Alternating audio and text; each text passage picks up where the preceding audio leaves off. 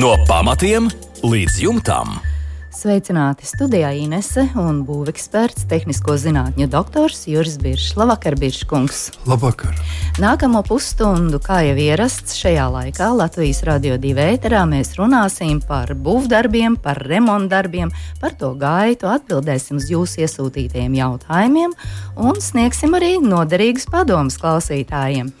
Šovakar sāksim ar Jāņa vēstuli. Vecas koka stāvbūs, iekšējās un ārējās sienas, vertikālās brusas pie pamatiem ir bojātas no aptuveni 40 cm augstumā. Ķieģeļa pamati. Kā rīkoties, vai drīkst nozāģēt brusu bojātos galus un vietā likt horizontāli divas brusas, vienu virs otras, abām sienas daļām kopā, vai arī katrai sienas daļai atsevišķi pa divām, tātad būtu sanāktu četras brusas. Un kādi vēl varētu būt uh, risinājumi, ko jūs ieteiktu? Ēka ir vienkārši rakstījāns. Nu, šī problēma, manuprāt, ir ļoti daudziem klausītājiem stāvbūvēm, koku stāvbūvēm raksturīga, ka brusas uh, bojājas mitruma iespaidā un ir jāveic šie nomaiņas darbi. Jā, nu, tas ir vienkārši, vienkārši runājot. Mēs aprunājam par šo savienojumu ķieģelis plus koks. Jā. Nu, dabīgi, ka koks nevar atrasties uz ķieģeļa, kas ir tomēr materiāls, kas uzsūdz mitrumu. Tā tad no tā vienkārši palikt koku. Kaut vai tā būtu iekšsiena vai starpsiena, nerunājot par ārsienām, nedrīkst. Nu, koks nevar atrasties uz mitruma avota. Tāpēc mēs vienmēr liekam starpā hidroizolāciju pirmkārt. Nu, cik es saprotu, tad Jāņa gadījumā ir hidroizolācija sen jau pazudusi. Droši vien. Pavaca. Un, un viss ir izzudis, vai arī vispār nav bijusi. Nu, kā tas ir bijis? Jo nopūšie gali sienai liecina par to, kad mitruma iedarbība bija postoša un, un ļoti aktīva. Tā mitruma iedarbība. Un gan iekšpusē, gan ārpusē. Jā, gan abās pusēs. Tas nozīmē, tas jau tāds rada aizdomas par to, ka vieta ir pamitra, grunts ir diezgan pamitra, un mums horizontālā hidroizolācija ēkai klibo. Es teiktu, viņas nav vai viņi ir bojāti. Līdz ar to ēkas elpošanas sistēma ir nepareiza un neizbēgami bojājas pats koks. Nu, Jānis liek priekšā tos galus nozāģēt. Un pēc tam pielikt, lai būtu vieglāks darbs, pielikt klāt uh, brūces. Ja, viena virs otras, no vienas puses, no otras puses, un, un viss tā lieta būtu kārtībā. Tas jau būtu ļoti viegli un ātri darāms, bet ir viena nelāga lieta. Ja. Lieta ir tāda, īpaši tas skar ārā mazāk tas skar iekšsienas, bet īpaši tas skar ārsienas, ka mēs nedrīkstam ārsienā atstāt nekādus tukšumus. Ja mēs no vienas puses otru puses liksim brusiņus, tad pa vidu paliek tukšs. Paliek. Nu, tā tad tur sakrāsies liekais, kondensējušais mitrums, kas nu, praktiski vēl pātrinātākā tempā atkal pūdēs mums tos galus. Darīt tā mehāniski, kā to saka, iekšsienām, kā to saka Jānis, var darīt tā. Kāpēc ne? Jums viss tiesības tā darīt. Bet es ieteiktu mazliet citu. Tas varbūt ir nedaudz grūtāks variants un ilgāks, bet tas ir tāds drošāks. Tātad pirmais, ko darām, nozāģējam starp nu, diviem attiecīgiem stāvbūves balstiem. Mhm. Nu, izāģējam to nepieciešamo Platumu, cik lielu cik... posmu var izrādīt? Nu, Tur jau nevar daudz. Pār daudz, nu, ko nozīmē daudz. Tur nekādā gadījumā ar vienu balstu un, un otru, otru nebūs daudz metru. Tur ir pusotra līdz trīs, balstiem, no ne vairāk. Un, un tāpēc teiksim, tas attālums nav tik liels. Mēs viņu izzāģējam, tie 40 centimetri nozāģējam viņus, uzliekam uz pamat, uz, uz pamatiem, uz ķieģeļa pamatiem. Vienalga, vai tā ir ārsiena vai iekšsiena, uzliekam labu hidroizolāciju. Tā tas nozīmē, vismaz minimums tas būtu bitumēna mastika plus ruberoids, bitumēna mastika plus ruberoids. Tas ir kā minimums. Un liekam uz viņa virsmu. Šai gadījumā es ieteiktu, ka, kad ja jau ir bojājumi, un ja grunts ir mitrs, un mēs negribam milzīgas kapitāla ieguldījumus taisīt, tad labāk likt materiālu, kas nepūst tik viegli. Un, teiksim, tur varētu likt pušķieģeli vai veselu ķieģeli, vai teiksim, 10 centimetru. Mm, FIBA bloku. Bloks sagriezt. arī var likt. Jā, jā. lūdzu. Nu, viss atkarīgs no tā, cik tā siena ir. Plat, bieza, bieza, ja? jā. Un, attiecīgi, piemērojam tevi. Tad mēs uz, uz, uz hidroizolācijas liekam šo, šo teiksim, bloku. Uz bloka mēs atkal veidojam hidroizolāciju, un uz viņas uzlaižam, nolaižam virsū šo koku. Bet koki jālaiž ļoti uzmanīgi. Tātad īpaši īpaši teiksim, tur, kur ir balstvietas, kur bija nozāģētās balstvietas. Pirms mēs kaut ko darām tādu, mums ir šī, šī sienas konstrukcijas e, fragments, jāsasprindzi. Kā to darīt? Visvienkāršākais. E, Domkrats vienā pusē, domkrats otrā pusē. Un, un mēs viņu it kā nevajag celt māju gaisā un lauzt sienu, bet tikai saspriegt. Tā kā atslogojam. Jā, vajag. Un tad, kad jūs būsiet no apakšas pielikuši to blociņu klāt, pielīmējuši un uzlikuši virsmu uz hidroizolācijas, pēc tam mēs viņu atlaižam lēnām. Un viņi uzsēžas ar spēku. Tad viss ir kārtībā. Sākās slodzes nu, nešana uz uh, pamatiem. Ja tas nenotiks, tad būs viens, vienā brīdī. Tas nozīmē, ka viņa ne, ne uz, uz, uz pamatiem nebalstās, balstās kaut kur uz dubultas slodzes, uz citiem balstiem. Krakts būs. Un būs viens trieciens, un pēc tam var būt nu, visādīgi. Var, var saglabāties, var veidoties plaisas, var nosēdumu un tā tālāk. Tā nav pareizi. Ir pamatīgi lēnām ir šis, šī slodze jā jāuzliek uz sienas. Nu, ļoti smalks darbs. Tur ļoti smalki vajag aprēķināt nu, šo hidroizolācijas slāni, tik, bloku slāni. Jā. Nu, nu, mājas būvēšana, es teiktu, tā pūksteņa remonts ir vienkārši bērnu mm. spēle salīdzinot ar mājas būvu. Cilvēkiem kaut kā liekas savādāk. Tā nav. Bet tā nav. Bet eh, Jānis raksta arī, nu, ja viņš tomēr vēlas izmantot šīs koka brusas, arī nu, to var darīt. Uh, Jā, viņš pat protams. grib likt kopā, vai nu, nu pa divi, lūdzu. vai pa četri. Nu, es tur pašais tā labi ne, ne, ne, nevaru, nevaru iedziļināties, kā to Jānis ir stādījis. Katrs cilvēks stādās mazliet savādāk. Nu, visu, kā tas izskatās telpiski, bet jebkurā gadījumā drīkst tā likt, bet ar vienu norunu. Nu, tad ir to slodzi. Vajadzēs padomāt, kā nodot jo tikai tāpat pieliekot latiņas klāt, tas, nu, tur nekas neiznāks. Un tā slodze būs sadalīta nevienmērīgi. Un vienā brīdī, vienreiz, kad viņi ja pieskarsies šim fragmentam, tad radīsies deformācijas, kaut kāda ieliekuma. Ja. Jā. Tas ir viens, un otrā kārtā jālikvidē visi iespējamie tukšumi, kas var rasties sienā. Siena bez, siena, mūsu likums, siena bez tukšumiem. Tas ir Latvijas klimatoloģisks likums. Jā. Tā tad vislabāk būtu tomēr izmantot šos FIBO blokus. Tas nu, būtu nu, drošāk. FIBO blokus vai ieģeli, vienalga katrā gadījumā kaut ko tādu mitrumu izturēt. Un hidroizolācija. Un noteikti arī jāpievērš uzmanība ir mājas pamatiem, kādā stāvoklī ir mājas pamati, ja ir Protams. veca māja. Protams. Tas jau arī ir svarīgs Jā. moments. Bet kādi būtu tie galvenie? nosacījumi, uz ko pamatiem būtu jāvērš tā uzmanība. Ja es tagad skatos un domāju, labi tie pamati vai īsti labi nav. Nevar nu, saprast. Redziet, tur ir, ir, ir jau jau tas diezgan daudz ko dod, ka mēs zinām, ka ir ieģeļu pamats. Tas nozīmē, ka ieģeļu pamats, kur liek smilšainās augstnes, jūrmalā, piemēram, spēc mm. Rīgā, teiksim, Agnes Kamprietis, tur viens, vienas smiltas tikai, mm -hmm. un apkārtējās mājām tikai ir. Nu, es runāju par vecām mājām. Protams, ieģeļu pamati. Ieģeļu pamati jā. nu, tā kā jāskatās, mums ir nu, īpaši vajadzības atrakt visu, skatīties, cik dziļi tie pamati nevajadzētu. Tur ir smilšains, noteikti ir smilšaina grunts, un šie pamati vairāk par metru, ja tur nav pagrabi, nebūs. Bet, bet ir jāskatās, lai viņi būtu nu, saturīgi, lai viņi būtu noturīgi lai viņam nebūtu plaisas, nebūtu atšķēlumi. Nu, ja tur ir vajadzīgs kaut nu, kas tāds, izdrupumi. Jā, nokādīs drupu, un tad mēs varam taču pirms hidroizolācijas likšanas virsū mēs varam, ja viņi izlīdzināt to lietu. Mm -hmm, to salabot, jā. Tātad tur varētu arī vizuāli novērtēt, un ja tiešām viss ir kārtībā, tad nemaz liels rakšanas darbs neveikt. Tā ir. Jā. Jā. Skaidrs, viss ir. Paldies par atbildi Jānim. Stāvbūve no ārpuses siltināta ar 100 mm akmens vates fasādes akmens vatas.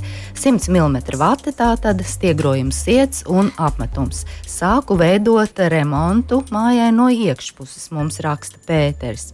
Uzsāktu likt eh, profilus un domāju brīvo vietā aizpildīt ar ekovati bet ekovatē ir liels borskābes daudzums, saturs. Vai pie profiliem vajag likt pretkondensāta plēvi? Šāds Pēterim ir jautājums. Nu, šeit ir tāds viens. Um, es pat teiktu, ka tas ir Latvijā izplatīts kā tāds mīts. Mums vienkārši liekas, ka, ja, ka nekas nav pareizāks, kā pielietot kādā no konstrukcijām noteikti pretkondensātu plēvi. Nu, tas ir gaužam nepareizi, jo pretkondensāta plēvis Latvijā lieto tikai vienā gadījumā. Un tā konstrukcija saucās jumts. Ja? Jumtos lieto pretkondensāta plēvis sienās, grīdās. Cienījamie klausītāji, nekad nepaļaujieties ne uz kādiem uh, vilinājumiem, ielikt kaut kur sienā, pretkondensāta plēve. Ko nozīmē pretkondensāta plēve? Pretkondensāta plēve nozīmē nevis, ka šī plēve nerada vai iznīcina kondensātu. Ne, kondensāts radīsies jebkurā gadījumā. Ja šajā vietā viņš ir spējīgs vispār rasties, viņš uzkrājās, jo pretkondensāta plēve ir ir ūdens necaurlaidīgs, tas ir ūdens tvaiku necaurlaidīgs, spīdīgs polimēra materiāls, spīdīgs ar uzrakstiem augšējā pusē un apakšā ir tādi mazi, mazi matiņi. Un šajos matiņos uzkrājās šis pieķerās un paliek karājoties šīs kondensāts. Un par cik vienmēr pretkondensāta plēve liek virs gaisa spraugas, un nekādā gadījumā aiz viņas nesako siltumizolācijas materiāls vai kāds cits materiāls. Tikai gaisa, kurā iet šis gaisa kustās. Tas nozīmē, ka viņš uztur to kondensātu un žāvē viņu. -hmm. Kondensāts nenopilda. Tieši kā ir vajadzīga pretkondensāta lai viņš nepilētu, lai viņš nebojātu mūsu koku materiālus vai siltumizolācijas materiālu. Mēs viņu vienkārši savācam šajā plēves pusē un viņš izžūst.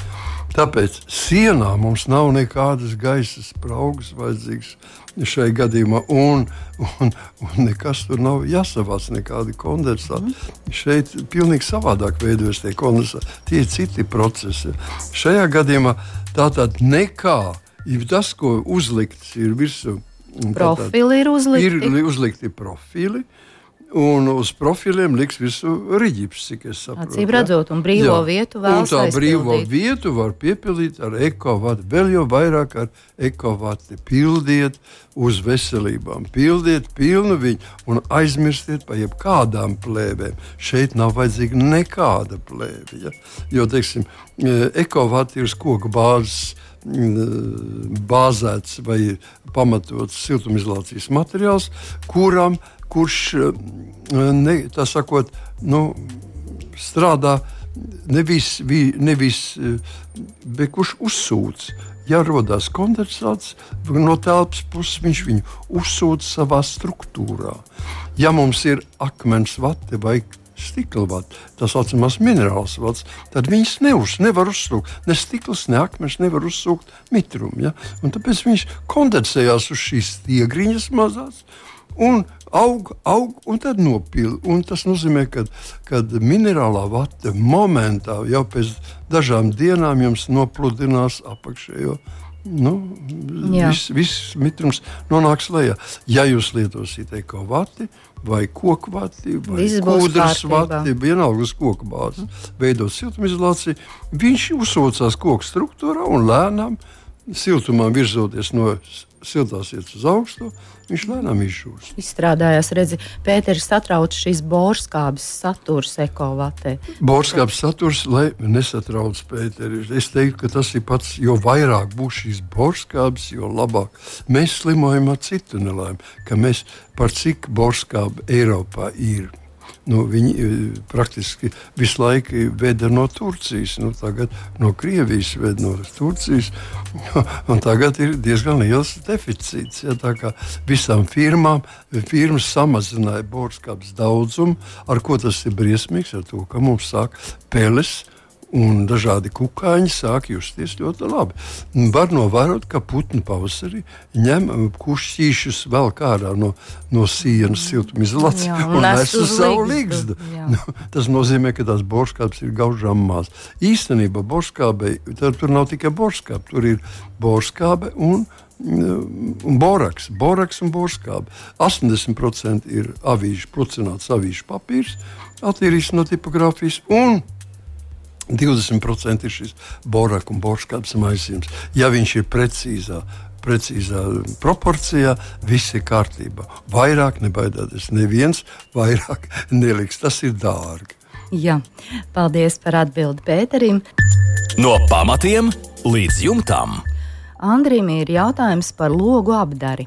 500 mm gāzbetona mājai ir ielikti dubultās paketes logi. Tie ir iemontēti 100 mm no ārpuses.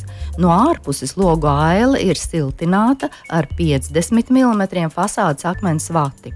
Un iespējams, ka siltināšu arī visu pārējo ēku no ārpuses, raksta mums Andris. Bet ko darīt ar loga ailas iekšpusi? Ja siltināt, tad siltinājumam vairāk par 25, 30 mm īsti vietas nav. Varbūt vienkārši likt uh, ģipša vai cementa apmetumu, un viss. Un Andris ir pievienojis arī divus fototēlus. Gan no jā. iekšpuses, gan no ārpuses. Nu, jā, centāmies ir, saprast. Bildes ir, centāmies saprast, kā nu viņas ir saliktas. Tas ne, nebūtu tik principā, principā jau viss, ir, viss tā ir, kā ir. Šeit ir eh, klupšanas akmens, tāds mazliet paslēpts un mazliet jāskatās. Jo man mīri uzmanīgi dara pirmais, ko Andris saka. Tātad 500 mm gāzbetona māja. Nu, tas ir ļoti biezas sienas, pamatīgi. Ārkārtīgi labi. Labs un vispār nemaz nav ko domāt. Tur likt vēl papildus klāt kaut kādu siltinājumu. Es teiktu, ka nu, ar 500 mm gāzbetona sienai vajadzētu tomēr iztikt bez šī siltinājuma. Nu, smukumam, lai varētu smuku no, nopucēt to ēku. Kaut ko dekoratīvu. Var uzlikt visu. Tātad, un kas ir rakstīts, ielikti dubultās paketes logi, iemontēti 100 mm no ārpuses. Redziet, šie 100 mm no ārpuses man neko nesaka. Nav tādi 100, 200, 300. Tāda e, izmēra nav, cik jāliek uz āru, uz āru jeb cik uz iekšā. Tas lokus var staigāt līdz pilnīgai izbraukt vienlīdzīgi ar ārā fasādi un iebraukt arī iekšā, cik nu ir. Tātad uh, tīri, tīri fiziski to nosaka tas, cik mēs gribam gaismu dabūt iekšā. Ja, jo, protams, jo lokus izbīdītāks vairāk uz ārā, jo vairāk gaismas mēs saņemam. Bet, diemžēl, šeit ir cits, kas iekšā. Nu, es domāju, ka šai mājai tas tā nedraud. Uh, jo ir 500 mm gala betons. Ja viņu apmetīs vai viņu apšūs ar, ar, ar vieglu siltumizolāciju, tad tas nozīmē, ka tur viss būs kārtībā. Jo redziet, mēs skatāmies tā, ja pie mājas materiāla, šajā gadījumā pie gāzes betona. Mēs skatāmies, ja mēs pie šīs stūres, kur, ir, kur ir lokus iekšā un starp gāzes betonu un logi ir nodrīvēts. Un tad mēs skatāmies, 45 grādi uz iekšpusi no gāzbetona ārējās stūra. Un mēs skatāmies, kur tad viņš, cik tad tur daudz sanāk. Tur nav vairāk 500 mm. Tur ir stingri mazāk. Tur būs kaut kādi, nu, nezinu, 150, 200 mm. Varbūt, ja? Vai tas ir pietiekoši, lai ne, augstuma tildiņš neveidotos. Un tad mēs tā braucam uz atpakaļ. Vispirms izbīdām logu līdz pašai ārpusē, un tad lēnām atkāpjamies, kamēr viņš sasniedzam tādu, tādu vietu, ja, kur ārā materiāls veido 45 grādus. Tur, kur beidzās uh, koku rāms, ja, Jā. tur mēs esam 45 uz iekšpusi, un mēs redzam, ka tur paliek. Nu, nu, teiksim, nu, tur 200 mm. Nu, ja tas ir gābetons, tad labs. un mēs ārpusē vēl viņu ar vatu siltinām, ir, tad viss ir kārtībā. Nu, iekšpusē arī vajadzētu kaut ko tomēr siltināt. Tāpēc ļoti bieži, ja jūs ne, ne, neņemsiet to vērā un, piemēram, izbīdīsiet lokus pa daudz uz ārā, tad var gadīties tāds, tāds nonsens, ka ka teiksim, eh, lokus brīnišķīgi ar trīs, trīs rūtīm. Viņš ir vislabākais lokus, kādu Latvijā var dabūt. Un viņš aiztur augstumu, visu, bet augstums apiet logu un veido fronti aiz loga. Nu, jūs salstat nos, jūs sakat, man, es nevaru izturēt, man augsts gaiss nāk. No kurienes viņš nāk? Viņš nāk no aiļu virsmām. Tāpēc ailes ir noteikti jāsiltina un logam jābūt pareizi iebīdītam, lai viņš neveidot augstuma tiltiņu. Un, un, un teiksim, nu, uztraucās, ja tātad kur bija jautājums. Jā, mums Ar... Andris uztraucās par to, ka viņi tur ļoti maz tās vietiņas, 2,5, 3 mm. Mīļie cilvēki, tas ir tikai loga aile. Nekāds ļaunums nenotiks, ja jūs ņemsiet un ekstrudēta putu polistirola vai putu poliuretāna plāksne. Tieši 20, vai 25 vai 30 mm platumā, un viņš ir ļoti efektīvs siltumizolācijas materiāls. Bet nelielā virsmā viņš tikai, tikai loga aili aizņems. Un tas nozīmē, ka mēs tur necenšamies eh, dzīvot loga ailē, ja mums saskata tik un tā nāks virsū vēl apmetums jeb tāpēc, jeb kas nāks līmēts, un, un mēs tiksim cauri ar siltumtehniskiem parametriem. Un ar to arī varētu pietikt. Jā, ar to nelielo siltinājumu slānīt. Jo, teiksim, likt tikai ģipšu vai cementu biezu apmetumu, nu, tad uz siltumu izolāciju nav ko cerēt. Nu, jā, skaidrs. Paldies par atbildi, Andrim. No pamatiem līdz jumtam. Mums ir skaitbetona klēts, apmesta no abām pusēm, raksta Arvis. Tur eh, glabājam ziemas krājumus. Tad, kad ir liels sals, tad, diemžēl, gurķu burkas sasalst. Ko jūs ieteiktu darīt, lai nesasalst mani labumi? jautā Arvis. Vasarā Arvis gribētu, lai klētī būtu tāds vēsāks klimats. Jā, nu, cilvēks kā vienmēr ir neapmierināts. Grib, grib, nu, grib un tas grib. ir normāli. Es Jā, arī tas gribētu. Ir, tas ir pilnīgi būtu. normāli. Es pilnīgi atzīstu, ka Arvim viss cilvēciskās tiesības ir prasīt mums, lai mēs palīdzētu tikt pie šādas klēts. Nu, ko darīt? Es teiktu, ka nu, šeit tā, tā darīšana ļoti vienkārša, bet nu, tāda brīnuma līdzekļa nav. Tas nozīmē, ka mums jau redzēt, mums ir skaitbetons. Skaitbetons, nu, mēs nezinām, cik viņš ir biezs, bet katrā gadījumā skaitbetons ir silts betons, tas ir siltināts, mēs teiktu, atvieglais betons, tātad ar ļoti labām siltumtehniskām īpašībām. Un no abām pusēm apmest. Mīļie Arvi, jums ir diemžēl no iekšpuses tā telpa vēl jāpasilda. Tātad, ja salst gurķu burkas, tas nozīmē, ka druskuļi ir par maz. Vēsu, Tātad liekam klāt, ko mēs varam likt virsū. Es jums ieteiktu likt 25 mm vai pat 50 mm. Mums bija vienā kārtā vai divās kārtās. Likt mīksto kokšķietu plāksni, apšūt šo telpu ar šīm kokšķietas plāksnēm. Tas ir vienkārši. Viņas ir uz spundi. Un tā tas nozīmē, ka mēs varam ļoti labi savākt. Ļoti labs ir. Un, jā, cik es saprotu, tad klētī īpaši no tā virsma mums neinteresē. Nu, ja var palikt tāds pats, ja viņu var apmest ar dekoratīvu, vienu milimetru biezu apmetumu. Mm -hmm, arī to. Jā, tādā gadījumā viņš arī var arī palikt. Kas attiecas uz vasaru? Tad vasarā, lai šeit būtu ļoti vēss un labi, mums jārīko lieliska ventilācija. Un tas nozīmē, ka mums ir jāveido dabiska, nevis elektriska, ja kas mums neuz, neapmierina. Mums jāveido dabiska, laba ventilācija, kur ir vienkārši izdarīt. Mēs varam ieteikt, kā veidot pagrabā, kur tā nu vēl vienkārši klētī. Ja. Tā tad laba ventilācija vasarā un papildus siltinājums ziemā. ziemā. Un gurķi ir drošībā. Un gurķi ir drošībā. Jā, paldies par atbildi Darvim. Elga mums raksta, vēlos uzdot jautājumu ekspertam, kā un ar ko apstrādāt garāžas betona grīdu, lai mitrums, kas nāk no betona grīdas, nebojātu automašīnu. Ļoti praktisks jautājums. Praktisks. Ļoti praktisks un tajā pašā reizē es teiktu, ļoti nepateicīgs jautājums. Tāpēc, kad personīgi es pats atciešu no tā, man gan nav garāžas, bet mašīna stāv uz, uz betona bruģu laukuma. Tas ir tas pats efekts. Ja betons, diemžēl, kā jau mēs vienmēr esam teikuši, ir brīnišķīgs materiāls, bet viņš vienmēr uzņem ūdeni un atdod ūdeni. Nu, vienmēr to dara. Pie mazākās iespējas vien, vienmēr viņš cenšas uzņemt lieku ūdeni, un tajā pašā reizē viņš atdod šo ūdeni. Nu, Latvijā, lai viņš neatdod ūdeni, jums ir uh, gaisā jāpakar nu, vismaz 50 mm biezs betona, betona slānis. Tā kā garāžas grīda nevar gaisā pakāpt, viņi uz, balstās uz grunts, tad viņš jebkurā gadījumā ņems šo mitrumu un nu, kaut kādu mitru viņš arī dos. Tāpēc es varu ieteikt tikai. Nu, ir metodas, protams, nekas briesmīgs jau nav. Mēs vienkārši gruntējam, sausu grīdu, gruntējam garāžā un, un, un, un pēc tam uzklājam virsmu klājumu.